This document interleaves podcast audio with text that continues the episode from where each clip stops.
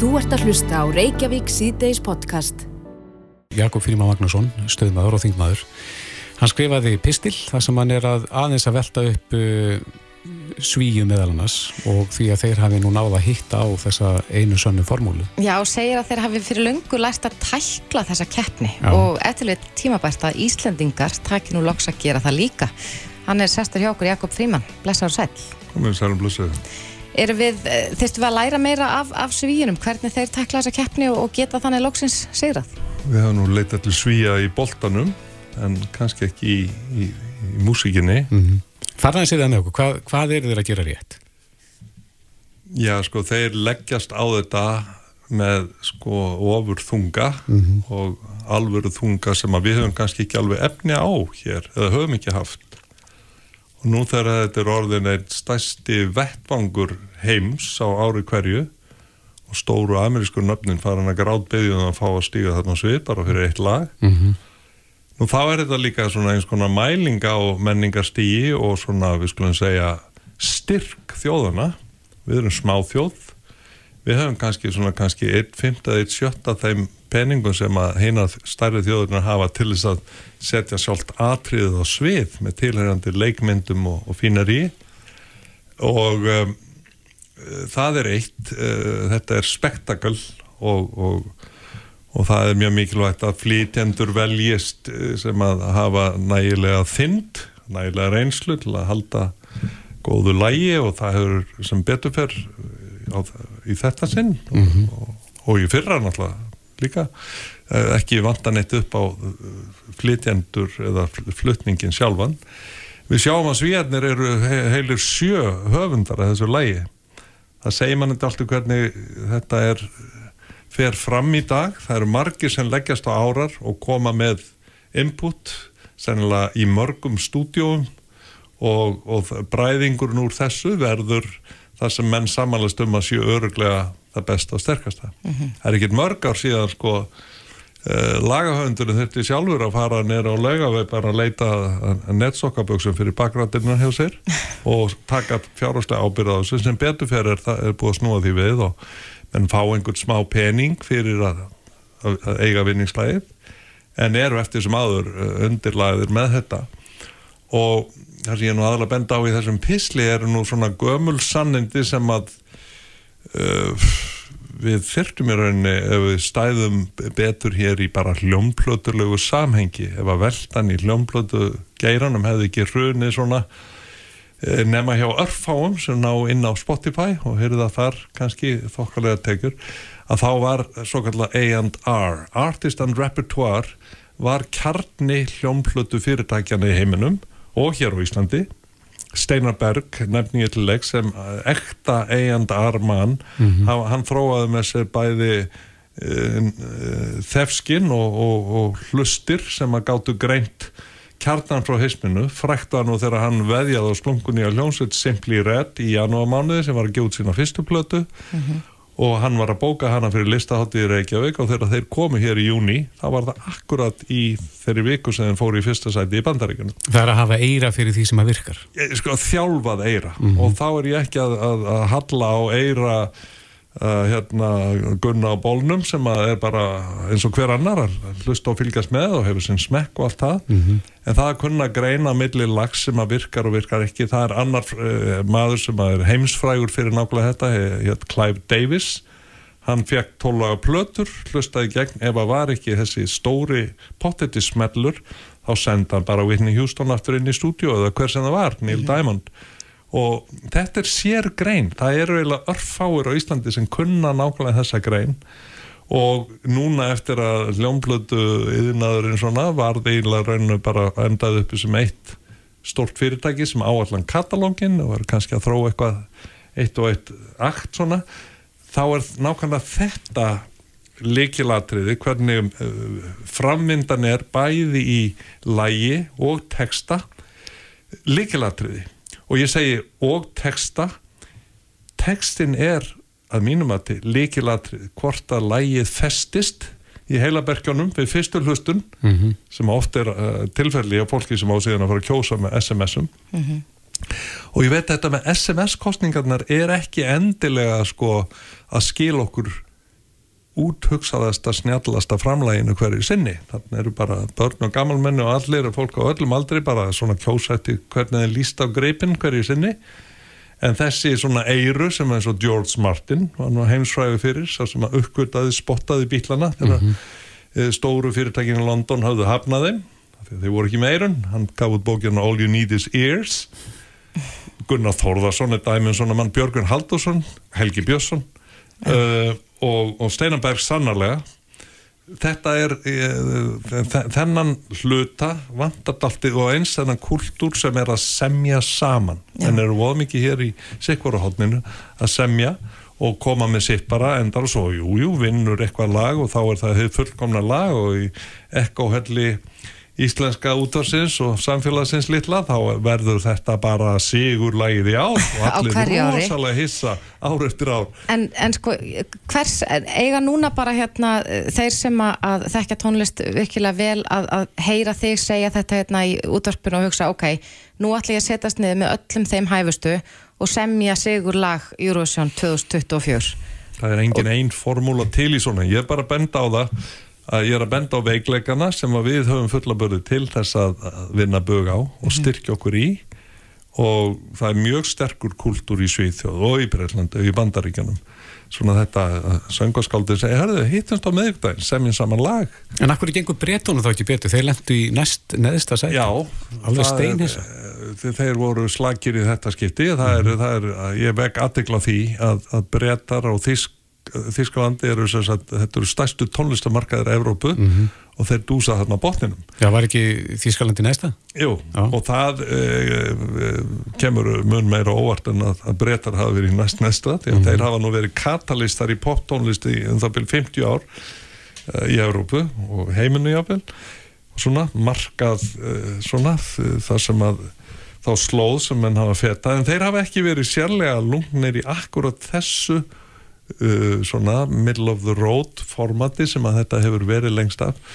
Þetta var þegar ég var barn þá var þetta bara Sanremo laglínu keppnin, Melody Festival. Þá snýðist þetta alltaf úr þetta blundu skirtu klættir svona hömperdingar sem að koma og sungu algjörlega úr takti við það sem að var í gangi í mainstream poptónlist í öllu mm -hmm. bílinu svo þróaðist þetta í þetta svona meira euróska, sama euróska svo allt inn þegar kemur austur-Európa inn í þetta og Azerbaijan og svo koma Ástralja og allt þetta sem er ekkit lengur það sem við köllum Evrópa þá verður þetta ófyrinsjálegra og, og svona þá fyrir pólitíkin að spila meira inn í hverjir kjósa með hverjum eins og við mhm. sáum mjög í þeirri undankefni sem við vorum þáttakundur í að þarna voru það voru engin norðurlönd í þeimiriðli og, og engin atkvæði hefðbundin þaðan til okkar Mm -hmm. einungi stanir þarna í já, okkar, okkar undan já, kvöldi já.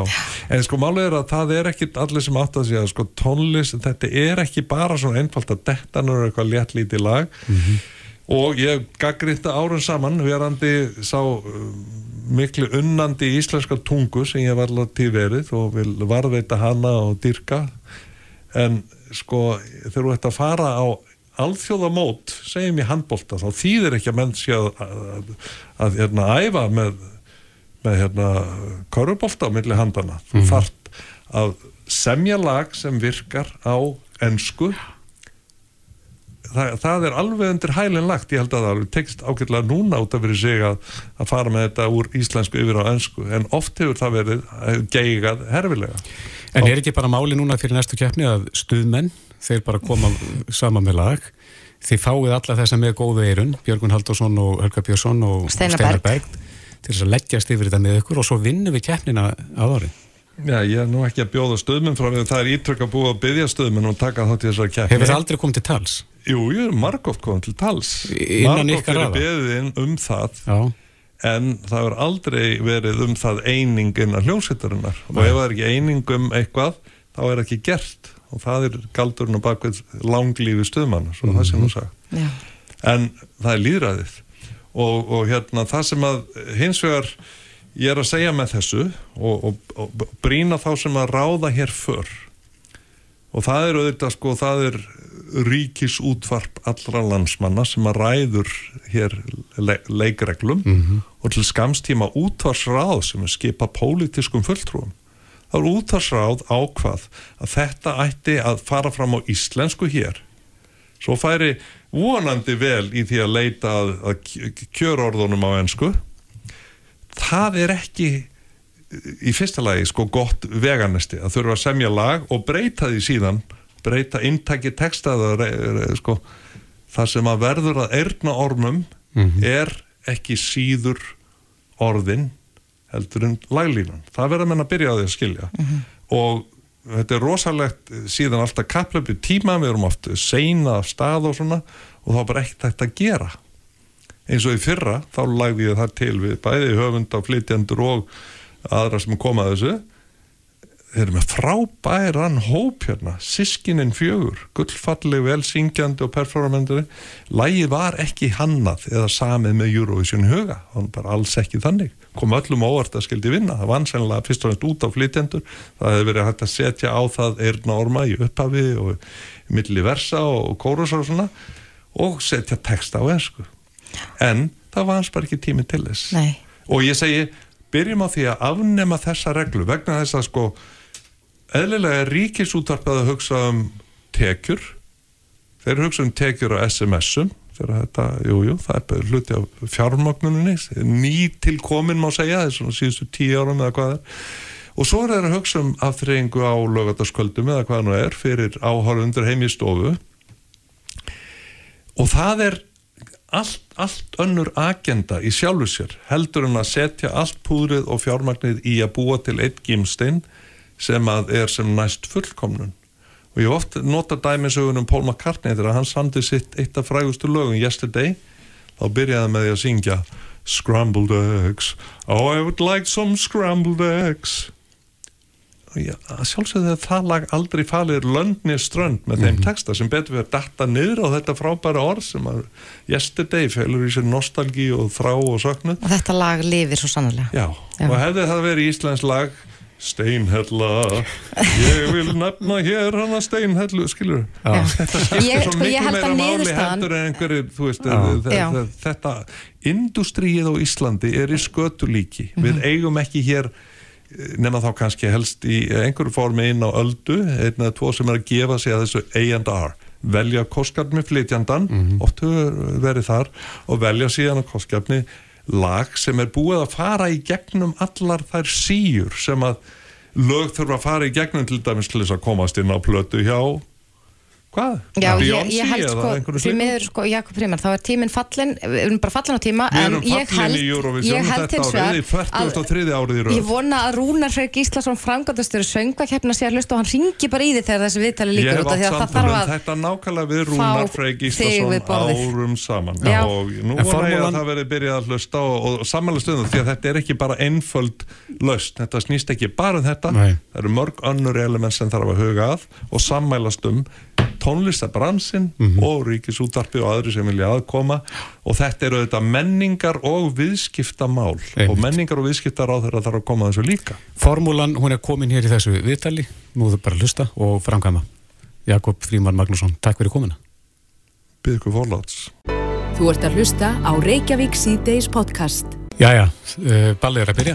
Er það ekki byrjað? Jú, ég held að það sé svona að, að allavega fyrir partíið fyrir leittóa fund Európarásins sé að byrja í dag en, mm -hmm. en að svona fundurinn sjálfur hefjist á morgun Já. og þetta gríðarlega mikill viðbúnaður. Við höfum rætt áður um það hér í þessum þætti. Það eru lokanir og, og rosalega mikil örgis gæsla mm -hmm. Við verðum að spila saman. Já, já. En eh, gæstjafinn sjálfur er á línunni Þórtís Kolbrún Reykjörg Gilvardóttir kom til Sæl, við þarf ekki að sjá þeirra Sæl, blessuð Þórtís, er þetta mjög mikilvægur viðbörður í, í íslensku sögu eða hvað? Ég held nefnilega að, að fólk áttir sér ekkit almennilega á því sko, bæði hversu mikilvægur mm. fundurinn er og svo hvað mm. muni að sé staðan? Já, já ég, ég myndi nú segja að þetta væri sögulega fundur. Bæði er hann haldinn og ákveðið að bóða til hans á sögulegum tímum þar sem að uh, geysar stríði í álfunni uh, inn í sérst, fundur í stopnun sem var búin til uh, eftir síðari heimstyrjöld 1949 og við erum búin að vera aðalega síðan 1950 til þess einmitt að standa vörð um þessi svona grundvallar gildi sem við byggjum okkar frið og lífskeiði á, mannréttindi og réttaríki og, og hérna líðræði. Uh, hann er líka sögulegur fyrir Ísland vegna þess að þetta er stærsti svona alþjóðlega viðbúrið sem að, uh, við höfum haldið umfangir gríðarlega mikið, þáttakan framar okkar björstustu já, ég, ég farði ekki að vænta þess að mætingin er þið svona mikil og ég líti á það sem yfirlýsingu í sjálfu sér að allir þessi þjóðarleita sé að forgásaða sínum tíma til þess að koma til Reykjavíkur á þennan fund til þess að ræða þessi mál og skuldbinda sig svona inn í framtíðina.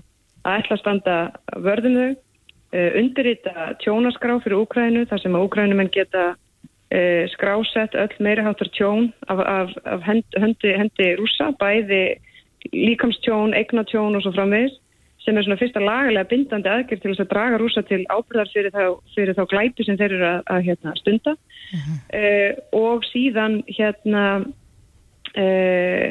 er við með aðra svona viðökaði til að mynda um, um hérna, ukrainsk börn og annað þannig að þetta er sem er verið að stela frá Ukraínu og flytja nöðu til Rúslands og svo framvegist þannig að þetta er þetta er, þetta er sögulegur fundur og hann er sögulegur fyrir Ísland og ég vona svo heitt að Íslandingar finnir fyrir stolti á næstu tveimri dögum mm -hmm. um, að vera þjóð sem að getur haldið svona og, og að hérna Reykjavík hafi og, og við séum að bjóða uh, bóða til fundarins. Hvaðan kemur þessi hugmynd með tjónaskarana? Sko þetta er, það er auðvitað gríðarlega mikil umræða bara á eh, alþjóðavettvangi almennt innan saminu þjóðana, innan Evroparáðsins eh, og í raun allra alþjóðastofnana hvernig og með hvað hætti draugur úrsa til ábyrða.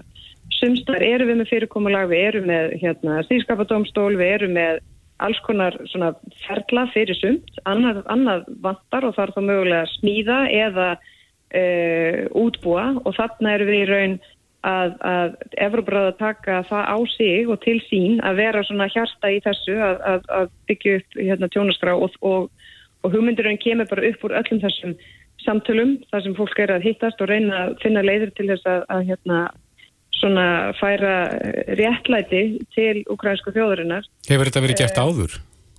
Ekki svona nákvæmlega nei, hefur ekki verið gert uh, áður. Þetta er auðvitað umfósmikið en öll þessi skrásetning mun síðan nýtast annars það líka vegna þess að þannig er verið að tryggja það að þetta sé skráð með réttum hætti þannig að þú ert komin með í raun gögg og skrásetningu á tjóni sem að likur þá fyrir og verður þá líka hægt að nota og vísa til annar staðar um, inn, í, inn í framtíðina. Mm -hmm. Ég sá einhvers staðar talað um, um, um plagg sem mun byrja heitið Reykjavíkur yfirlýsingin. Já. Er það tengt þessari tjónaskráð eða er það annað uh, skjál sem verður myndur þetta það? Er, það er svona heildarskjalið uh, Reykjavík Declaration eða Reykjavíkur hérna, yfirlýsingin. Þar sem að er sko, vonandi verður sáttum og er útkoman af fundunum og þar verða ímisadri og auðvitað er, er bara málefni Úkræna almennt uh, fyrirferðar mikil í þessu plaggi. En líka aðri þættir, ég meina undir venjulegum kringumstæðum þar sem að það stendur ekki svona alveg upp úr einhvern veginn að vera verið að vega þessum gildum og, og, og ráðast á fólk og, og brjóta lög að þá eru þetta önnur mál sem að snúa að því. Menn að það er ákveð bakslag í ímsum ríkjum er varða bara almenntum hérna, e, líðaði við erum með alls konar áskoranir hvort sem það er út frá þessari miklu tækni sem við held ég áttum okkar ekki alveg á hvað getur hérna Eh, hverjum getur breytt og hvað áhrifum getur haft og, og, og alls konar aðra hluti sem að hérna, munu, munu vera inn í þessari yfirlýsingu. Mm -hmm. Þetta er svona heildarplagg útkomun á fundinu. Ég sá eitthvað staðar að það sé teljand á fingurum annarar handar þegar þjóðalegt sem að ekki hafa bóðað komið sinni eða staðfæst komið sinni. Hvað, hvaða þjóðir eru það sem að mun ekki hafa fulltrúa? Sko, ég gerir ráð fyrir að öll ríki munu eiga fulltrúa. Og það eru einstakar ríki þar sem til að mynda mínur kólagar koma, við kemum á utaríkis á þeirra en ekki þjóðar leiðtóin um, en það eru örf og ríki sem eru ekki að senda uh, þjóðar leiðtói eða mjög hátt setta. Um, nú bara kannski líkur þetta allt fyrir og búið að byrsta en, en nú verður maður að vanda sig hvað má, hvað má, hvað má upplýsa og hvað má segja út frá ímsum þáttum sko, líka bara svona öryggistætturum og svona, þannig að þetta ágæta fólk er nú ekki mælt, en þetta eru þetta eru svona lönd sem eru uh, aðeins svona sem þeirra aðeins fjær okkur um, en, en til dæmis kemst sænski utryggisáþurann ekki Já. og okkur þykir það mjög miður. Um, Norski sá ekki fram á að geta mætt vegna þess að þetta ber upp á, á þjóðhóttuðu degi normanna en, en hann kemur. Þannig að það eru nánast allir að koma. Já, en þú sagði þetta náðan að, að sko mætingin væri e, príðileg og í rauninni, rauninni sko fram úr björtustu vonum og það væri kannski einhver yfirlýsing fólkin því að bara að mæta. E, getur maður þá tólkað á hinvegina ef að þjóður eru ekki að senda háttsetta ennbættismenn að, að já, það sé einhver yfirlýsing í sjálf og sér? Sko ég held að færi aðeins kannski eftir því hvaða ríki og hver ástæðan er. Sem enna til dæmis í, í Tyrklandi, veist, Erdogan er ekki að koma og það er, það er ekki að því að það er ekki þetta að lesa í það annað heldur en það hann auðvitað eh, stendur í ströngu í, í hérna, kostningum og líka fyrir að það fyrir að fara í aðra umferð þannig að hann bara getur ekki komið. Uh, en, en, en, en frá Tyrklandi kemur samt sem áður uh, vara utreikisáþara til landsins þannig að þau eru mönnuð. Uh -huh. Um, en, en hérna, ég menna, Evrópuráðið er auðvitað stopnum þar sem það eru kannski eitthvað misjant pólitíst innan hvers lands, hversu mikil áherslega lögð á uh, Evrópuráðið. En ég finnur það mjög stert að það er miklu svona þjættari fókus og meiri áhersla og, og lítið svo á að Evrópuráðið hafi tilgang og geti verið sko verkfæri uh, í bara því, því ástand og þeirri stöðu sem við erum í núna. Og þess vegna aftur tel ég gríðilega mikilvægt að tekin var ákvörðunum að halda leðtöfund sem er bara í fjórðarskipt í sögunni, þetta er auðvitað orðin stopnum frá 1949 að, að það endurspeglar mikilvæg og það endurspeglar ástanda sem við erum í. Og ég veit að það er vinsallið stjórnmálum að tala um, um krosskvötur en í mínum hefur algjörlega augljóst að við erum á einhverjum krosskvötum núna og við ætlum að gera það sem við getum til þess að, að koma í veg fyrir að hlutinir verði verri á þennu verði betri. Uh, ég veit ekki hvort það mun ganga en að minnstakosti verður við að fá eins og þarna alvöru pólitíska skuldbindingu frá leðtófum álfunar að við ætlum að gera það sem við getum til þess að tryggja það að Evrópu búar almennt, fólk sem að býra þessu svæði geti uh, búið við líraði mannréttindi og réttaríki sem er bara grunnurinn fyrir öllu hinnu og nú er verið að vega því. Einmitt. En hvernig líður auðvitaðríkisáður að gæstjáðanum sjálfum svona uh, rétt fyrir stóra fundin? Mér líður nú bara mjög vel og orðin, uh, ég er orðin mjög spennt. Ég er nú að fara hérna yfir núna að hitta Evrópu rást þingmenn sem eru hérna í dag og tek þátt í svona málstofum með þeim og kvöldverðum með þeim og svo hérna byrjar hinn dagskrána morgun. Og stærst ástæðan fyrir því að ég er spennt er að við erum umkringt algjörlega framúrskarandi starfsfólki. Uh, Lauruglan bara í heilu lægi, uh, utaríkisáðaniti, fósættisáðaniti, önnur ráðaniti og stopnarnir sem er öll að vinna dag og nótt og hérna og auðvitað tökum við svona við performance á morgun og, og hérna þessa daga en aðdraðandina því undirbúningurinn er búin að vera bara ég bara vildi að fólk geti séða sko hvernig þetta fólk er að leggja sér fram og, og þetta er náttúrulega svo ótrúlegt skipulag frá aðtölu fyrir einasta mínúta og lending og keistla og, og hérna staðsetningar og öryggiskeisluna, allt þetta um leiðu eitthvað fyrir úskeist og þá getur orðið tölverð kás mm -hmm og, og það er bara búið að vera aðdánaverst að fylgjast með þessu fólki. Já, er búið að telja það uh, saman sko hversu margir koma að undirbúningum og, og framkvæmdini á þessum fundi hér á landi? Uh, Kanski er búið að telja saman, ég er ekki með það en ég minna þetta eru mörg hundru manns, mm -hmm. mörg hundru manns sko. Uh, en það verður, það verður þetta allt tekið saman og það verður áhugavert bæði, bæði bara svona að sína fram á vinnuna en, en líka held ég fyrir önnur ríki að sjá hvað fámennari þjóður geta gert og hvernig við gera það vegna þess að ég, ég, ég upplýði það við sem að framkoma þennan fundi kraftismæðurinn uh, eh, við getum gert hluti öðru sem heldur en, heldur en stóru ríkin og við erum auðvitað svona það má alveg ímislegt segja um okkur sko en við erum framkvæmda þjóð við erum svona göngum í verkinu og það ganga allir í öll verk og það eru líka þær hliðar sem að finnur með svona liðseild og eitthvað en að láta ganga. Já og það verður áhugavert að bera saman vinnandi hendur uh, á við marga aðra stóra fundi. Mm. En þá er kannski stærsta spurningin sem að flesti vilja fá svar við. Er, kemur Selenski? er hann, fekk hann bóð? Já, já, já, já, já. hann fekk bóð og, og auðvitað myndi það alveg gera, gera fundin að hann kæmi. Ég reikna ekki með hann komi um, en það sem ég get sagt er að það verður vel mannað frá hérna Úkrænu og ég hlakka til að taka á móti uh, þessum þeim, þeim öfluga hóp sem stendur í ströngu og að koma hérna og, og, og taka þátt og get bara sagt það hér fyrst ég nú fæ tækifæri sko að, að þegar fólk er að velta fyrir sig hvort sem fundur mikilvægur ekki að þá er ágætt að spyrja fólk eins og Selenski eða fósættisáþur eða auðverkisáþur eða stjórnvöld þar í landi hvort þau lítið svo á þessi mikilvæg fundur. Og svo erum við því er algjörlega skýrt að þetta er fyrir þeim gríðarlega hérna, mikilvæg fundur og, og mikilvæg skilabóð ákvarðanir og samstæð sem við erum að sína með, með ukrainsku þjóðinni. Já, Þórtís Kolbrún Reykjörð Gilva, dóttur Uttaríksra þeirra við segjum bara gangi ykkur öllum vel og okkur líka og góða skemmtun. Takk kjærlega fyrir, takk. Þetta er Reykjavík C-Days podcast.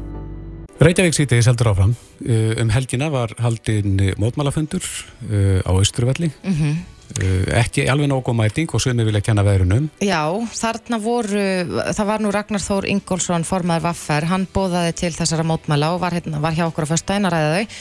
Og svo voru líka Helgi Pétursson, formaður landsamats eldriborgara, Ástildur Lóa, formaður hagsmunarsamtaka heimilana og svo samtök leyenda líka. Já, og þarna, þetta var undir yfirskriftinni Rísum upp. Já. og uh, já, kannski ekki endilega niður nelt nákvæmlega hverju var verið að mótmæla heldur, heldur bara svona svolítið opið bóð til þess að mótmæla já, stöðunni og það hefur verið bent á það að bankarnir, þeir standa hansi vel á meðan að fjölskyldulansins og fyrirtæki þurfa að borga herri skatta, að þá eru sumir sem fitna. Já. Á línunni okkur dag er Kristrún Frostadóttir, formaður samfélkingarnar. Komdu sæl, Kristrún. komið sæl.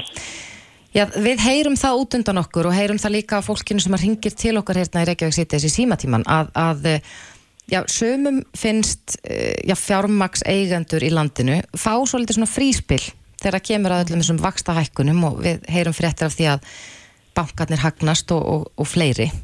Hvernig metur þú stöðuna?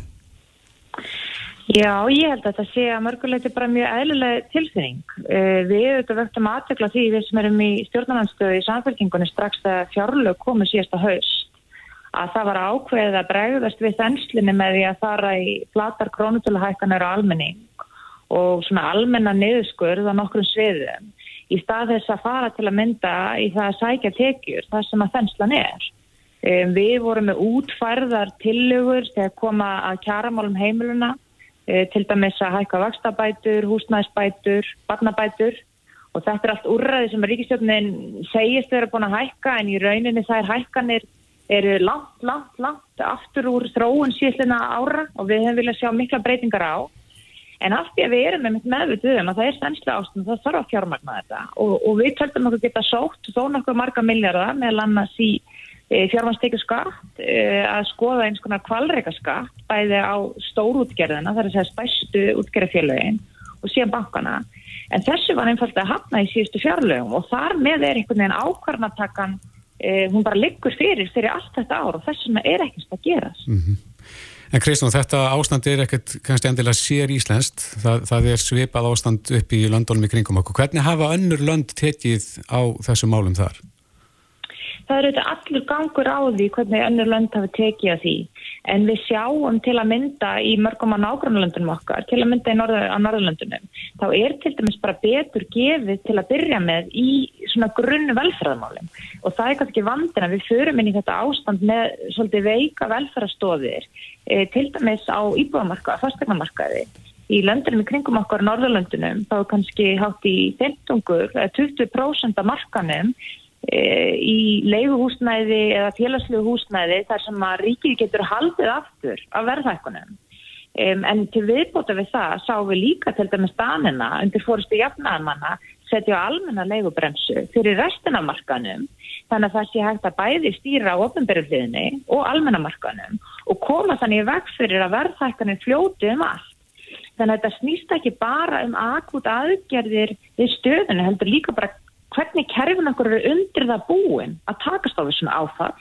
Þar er í rauninni búið að gera barnabátakerfið engu, vakstabátakerfið engu og það eru yngar varnir á legumarkaði, svo hægt sé að tala um. Og þess vegna er þetta að skella svona þútt á fólki. Mm -hmm. ef, ef að, já, þú fengir nú að ráða í dag, velja eitthvað, eitthvað, eitthvað eitt úrræði sem yrði tafarlöst sett á, við hefum verið að tala um, já, herri barnabætur og, og húsalegu bætur og fleira og svo legubremsu eða leguþak. Hvað þið fyrir valinu? Það eru þetta margt af þessu sem ég myndi velja en ég held að ef við tölum fyrst og fremst til dæmis um íbúamarkaðin þá er mér alveg fyrir mun að skilja akkur er ekki viljið til að setja á leigubremsi núna þó að ekki nema bara til skamstíma til að koma í vekk fyrir frá um holskeplu hækkana yfir þannan markað sem mun bara skapa uh, eind og erfiða stöðu fólks sem býr í lauguhúsnaði eiginlega áháð sko tekjum þeirra venna þess að flestir er að borga uh, mörg, mörg 10% af ráðstændekju sínum í laugu og, og ef við myndum regulæra meira þannig marka þá myndir það komið vekk fyrir þörfuna á yngrippum á barnabóta og vakstabótastíðinu uh, sem er kannski frekar á landtökulliðinni En þetta er eitthvað sem að mér er fyrirmun að skilja, akkur ekki viljið til að ráðast í. Og síðan ætti líka þessu tengt að skoða til að mynda lausar íbúðir á landinu, höfuborgarsvæðinu og velta fyrir, fyrir okkur hvort það setja knýja e, það fram að slíkar íbúður séu setta bara í langtíma leiðandi svona kringustæðinu. Já. En Kristúrun, á undanföldnum árum hafa uh, verðtrið lán verið á undanhaldi og fólk hefur svona verið að fikra sér áttin á óverðtriðum lánum, en uh, nú er svo þróun að snúast við. Hvernig metur þau það? Þetta er náttúrulega þetta skrítna verðtriða kerfi sem við erum með. Við fyrirum annars vegar úr því ástandi að Sælabankastjóri og fjármárar á þeirra tala mikilvægið að við færum okkur yfir óverðtrið, svo vakstatæki virki betur að þá þarf að, að hækka vexti minna til að hafa áhrif. Mm -hmm. í það að þegar vextir hækka svona hratt aftur á allt öðrum borsundum en, en fólki var sett hérna í aðræðandi síðustu kostninga þá er síðan fólk hvart til að fara yfir í verðtri þegar við vitum að það mun setja þrýsting á ensameri vextahækkanir þannig að þá þarf herri vexti til að hafa áhrif á útgjaldsfólks Ég held því miður að þetta sé mikil greikur sem hefur verið að gera fólki sem komst til að mynda inn á markaði núna undanfærstum árum. Þar sem að þeim var lofa í rauninu ákvönum kaupmætti í formið þessar lágvaksta og núna hefur verið að geta begið því hjá þessum mistarlingum. Um, ég er auðvitað raunsæk hvað það varðar að verðryggingin verður einhvert afnuminn yfir nóttu og þetta er auðvitað aflegging af óstöðuleika í efnarsmálum að við þurfum að búa við verðryggingu yfir höfu. En tekur undir að verðrygg eitru að þýleitinu til að þau þrýsta á miklu meiri vaksta hækkanir í kerfinu en þarf mm -hmm. og þau, þau grafa undan eignamyndin hjá fólki. Vandin er hins vegar sá að við höfum ekki náðu að skapa þannig ramma utan nýbámarkaðin að fólk hafi efni á að taka lán sem eru ekki verðtrygg. Að því að fæstir þóla þessar miklu breytingar og sveplum í vöxtum sem að óverðtrygg lán fél í sér. Þannig að lausnin á vandan mun alltaf þurfa að felast í því að lækka grunnverðið á húsnæðinu eða halda grunnverðinu í húsnæðinu þannig að skuldsetningin sé viðræðanleg. Þannig að þú ráðir við breytingar í vakstastíði. Af því við viljum auðvitað ekki reyka haggjörðan sem að má ekki reyfa vakstastíði. Það er mikilvægt hagstjórnartók. En við verðum að komast út úr þeim vítarhing að fólk hafi ekki efna að komast inn á fastegnamarkaðin en að taka þessi verðtriði lán sem kemur í vekk fyrir eignamyndun og þrýstir vakstastíðinu herra en hella. Hvað er gert í landunum í kringum okkur? Þar þekkjast ekki þessi verðtriðu lán. Hvernig fara þau að þessu? Nei, ég menna í fæstum löndum í kringum okkur þekkist þetta og í, í löndum eins og bandaríkinum væri þetta flokkast sem fló, flókin fjármála gjörningur og þess vegna ólöglegur mm -hmm. vegna þess að þetta er mjög erfitt að skilja hvernig verðrygging virkar fyrir flestu venilegt fólk og þess vegna hefur þetta ekki verið leift í landunum í kringum okkur. Þar er það einfallega þannig að þegar það eru svona mikla breytingar í vakstastígi þá er því meira deilt á milli fjármasegenda á þeir sem eru að taka lánin. Í dag er það þannig að fjármasegendur eru varðir að miklu leiti til fyrir verðbólku og menna að lántakendur taka þetta á sig. Um, en við lifum líka vitt á stöðu út af þessu miklu flögt í vakstastígi og litla samkeppna bankamarkaði þá hefur fólk ekki geta tekið almenn overtrið lán upp til hópa og þess vegna er fólki beittir í verðryggingu á menn í löndunum kringum okkur þá er stabila vextæðumhverfi, það er meiri samkeppni á legumarkaði og það ræður fólk við þessu overtrið lán. Mm, Akkurat. Í dag byrti Arjónbanki hagspá bankans og, og reikna með meira hagvexti árin áður að talið. Eh, kemur líka fram þarna að eh, ég held að það hafi nú flestir sem er að spá í spilin uh, spáð því að stýrivextir muni hækka enn meira mm. hvað áhrif mun það hafa? Mun þetta íta ennþá fleirum út í það að, að neyðast til þess að taka þessu óvertriðu lán? Nei, vertriðu afsaka. Vertriðu lán, mm -hmm. já, ég held það og ég held því meira staðan því svo, án þess að maður sé hér í fjármálaráðgjöf að sko reynslan okkar af, af hérna hruninu var svo að þeir sem að eh, mistu eignirna frá sér vegna þess að þeir fjallu á greiðslum lendi í verulegum vanda sér meira því að, að því að síðan bara rauk fastegnumarkarna stáð fólk komst aldrei inn á markaðin aftur. Mm -hmm. Þannig að fólk mann gera allt sem að mögulega getur til að halda eignina sína og þessuna munverðin að breyta greiðslubyrjunni til að halda hérna eigninni sinni. Og þetta er eitt af því sem við sjáum til að mynda ekki vanskilatölum þegar fjármálaráð þeirra og, og fleiri er að tala um að því sem ekki að sjá aukin vanskil Það er vegna þess að það síðasta sem fólk gerir í dag, sérstaklega eftir reynslun eftir höfum, er að, að dífólta eða takast ekki að greiða húsnæðisum. Af því að það veit að ef það missur húsnæði frá sér, þá kemst það möguleik inn á markaðan eftir. Þannig að fólk er að, er að skera við nögg í öllu öðru en mögulega húsnæðisgreðslu. Þannig að það kemur alls ekki óvast að flæri myndi flytja sér í verðri til þess einfallega að koma í vegferðir að þeir lenda leikumarkaði. Þar sem fólk er að borga 300-400.000 krónur á mánuði langt umfram hefðina greiðslibriða láni. Þannig að þetta verður held í því miður þróunin. En við þurfum eitthvað að horfa á pólitíkin í þessu samengi. Hvað getur pólitíkin gert ef að vakstahækkunum hérna heldur áfram og Sælabanki meitur það sem svo að það sé eina leiðin. Það verður pólitíkin að grýpa inn í og venda þá hópa sem að þóla ekki þessar söblur og er ekki valda þenslunni, millit og, og, og láti ekki hópa með vakstabótum húsnæðisbætur á legumarkaði og síðan barnabætur fyrir, fyrir barnafólk. Já, en þetta er nú ástand sem búið að vara í já, dágóðan tíma og, og stýrivasta hækkan er orðið daglegt brauð. Uh, ættu stjórnvöld að vera búin að grýpa inn í fyrr með þessum aðgjörðum? Auðvita, auðvita, þau hefðu átt að gera það í byrjun síðasta árs og ég byrjaði að tala fyrir ákveðnum breytingum og lagði fram þingmál í byrjun síðasta ás um, um mót, mótstöðu aðgerir eða mótvæðisaðgerir fyrir heimilin. Þær voru hunsaðar í fjármáláttinni fyrra. Við fyrum inn í síðasta haust og kjarabokki okkur í samfélkingunni var hunsaður að miklu leiti þó að hluti vakstabóta tilagna hafi verið tekin inn. Breytingarnar sem hefur þurft að koma fyrir þetta ár þegar kemur að innendu tekna uh, varðandi fjármastekjur, bankaskatt, kvalreikaskatt, þar hefðu þetta verið samtar fyrir jóg. Mm. Og allt tal núna hjá ríkistjórnunum hvað þau eru að gera í fjármálállum er framtíðar pólitík, eitthvað sem er að gerast eftir fimm ár.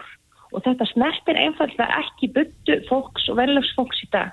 Þannig að því meður eru þau orðin allt of sein með að bregðast við, en það breytir því ekki að það er hægt að ráðast í ákvæmna aðgjörði núna, eins og leigubremsu, eins og, og hérna að kveita til uppbyggingar á félagslegu og orðnættreifni húsnæði þar sem að þau hafa dreyist mjög aftur úr áþennu sínum.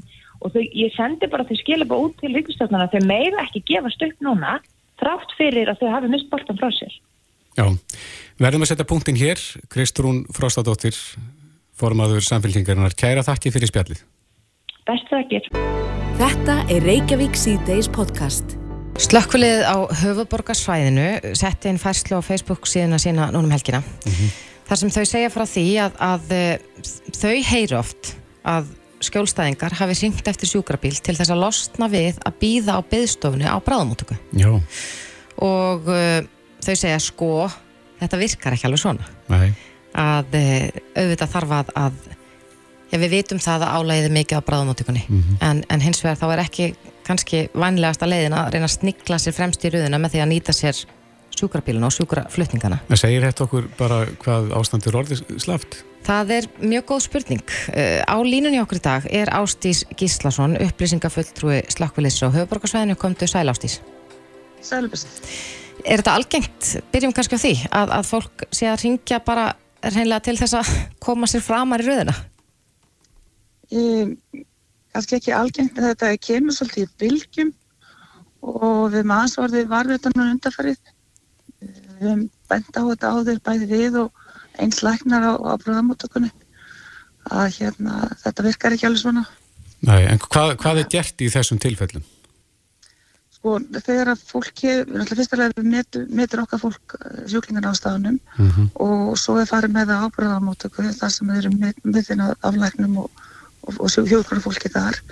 Og ef að ástandi er þannig að þá uh, að það þurfi ekki að bráða þá er fólki að vel sendt fram á byggstofu En er þetta eitthvað sem að uh, þessir sjúklingar segja ykkur þá að, að það sé að panta sjúkarbíl til þess að komast fram fyrir röðin eða hve- hvernig komist það þessu? nei, nei, nei, nei, það er ekki, það er bara þegar að mót, kannu segja móttakan er þannig upp á, upp á slis og að, að það er, er metið þannig að það sé ekki, ekki bráðþöf en við erum aftur á mótið að okkar fólk er að uh, að fólk sé stundum ráðlagt þetta sem er náttúrulega alls ekki gott slæmra, mjög slæmra álegging akkurat, þannig að þið eru með þessari fæslu á Facebooknum um helgina, þá eru þið svolítið að byggja já, fólkum að, reyna útskýra fyrir öðrum, ef það heyrir þetta, þetta sé góð hugmynd, að þetta sé alls ekki rétta leiðin. þetta er bara alveg afleitt hugmynd sko. uh, en á sama tíma þetta er náttúrulega, við viljum að sjálfsviða fólk sem að þarf á þjónustu okkar að halda að það hafi samband af því við erum jú hér fyrir ykkur. Þannig að það er stóra máli, þetta má ekki, þetta má ekki snúast upp í það að, að fólk sem þarf á okkar þjónustu að halda ringi ekki. Nei, en hvar litja mörkin? já, það er góð spurning. Þú, sem sjúklingur lítur svolítið að vita, ef, ef að þú ert að ringja í 112 með þetta hugafar þá er það mörkin. Þannig að við erum svolítið kannski að höfða bara til samvinsku fólks með þessu Já, en, en eru, uh, ég hef nú aldrei sem blessunarlega aldrei verið í þeirri aðstöðu að þurfa að ringja á sjúkarbíl. Eru, eru einhver mörg fyrir því sko hvers slags veikindi bera gardi þannig að, að sjúkrabíl sko sé virkilega þörf og önnur ekki? um, hann kannski er til mig að vera með einstök dæmi því en, en um, bráð veikind að sjálfsögðu er eitthvað sem að, að kallar á sjúkarbíl og ætla, fólk ringir í 112 þar sem að það er skemað, fyrsta skemin sem sagt er þörfaði eða ekki. Þannig að og, og svo eru við kalluð uh, eða bóðuð af 112 í útkallin og, og það er flokkað, þau, þau flokkað eftir alvarleika. Mm En þetta segir okkur vantilega ástís bara hvað staðin er orðin slæm á bráðmáttökun ef að fólk til þess að þurfa að fara þessa leið til þess að fá þjónustu. Já, og, en segi þetta hefur komið fyrir áður en, en eins og við vitum öll þá er álægi gríðalegt þar. Og, og, en það er samt sem að líka mikið álæg hjá okkar fólki. Við erum með um og yfir hundra flutninga okkur um einastu sólarhing það fer eða aldrei undir hundra þannig að uh, þetta er slemt ef fólk er að nýta sér þetta Mm -hmm. sé ekki þörf á því. Og það er kannski en eins og ég vil enn og aftur ítreka að við þurfum fólk að að fá aðstoð þá á sjálfsverðingi 112 Já, en skiljiði rétt er það þannig að, að í tilfellin það sem fólk allar að reyna að komast fram fyrir röðina þá komið þið á staðin og, og vegið á metið og neyti þá að flytja viðkomandi á sjúkrahús eða?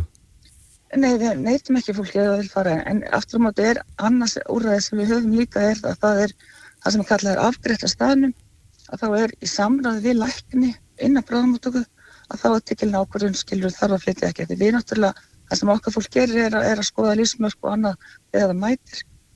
Alls konar uh, til, uh, er gerð. Þannig að það er svo metið í sam, alltaf í samræði við lækni innan bráðamáttöku og náttúrulega í samræði við sjúkling. Mm Og við slík, skiljum engan eftir. Nei, en, en enda slík tilvik þannig ef þeir eru búin að, að ráðfara eitthvað við lækni að sjúklingurum verður áfram eftir heimi á sér og, og, og sjúkrabílinn fyrir á brott. Já, það hefur komið fyrir svo, sagt, og þetta er, alveg, þetta er bara verkla sem er búið verið þróun.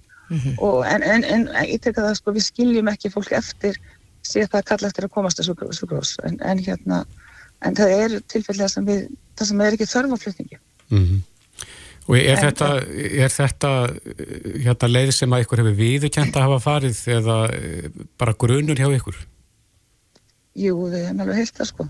Mm því miður, Já, þannig að, að hérna sem er bara, þá var kannski svolítið kveikin að að þessari fæslu hjá okkar sem við viljum svolítið ítreka og höfða til fólks að, að, að þetta er ekki rétta leiðin. Nei, Þetta er bara að skapa auka álag hjá, hjá slýsadildinni og ekki síður hjá okkur.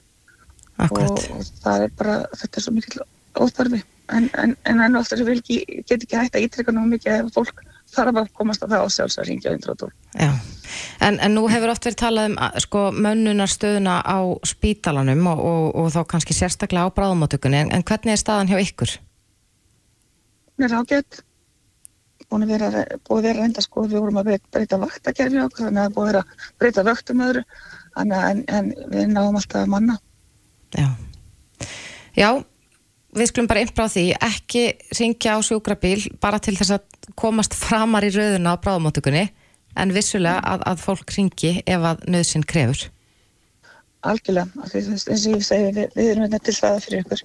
Já, akkurat. Ástís Díslason, upplýsingafulltrúi slökkuliðsins á höfubrókusæðinu. Kæra þakki fyrir spjallið. Takk hérlega.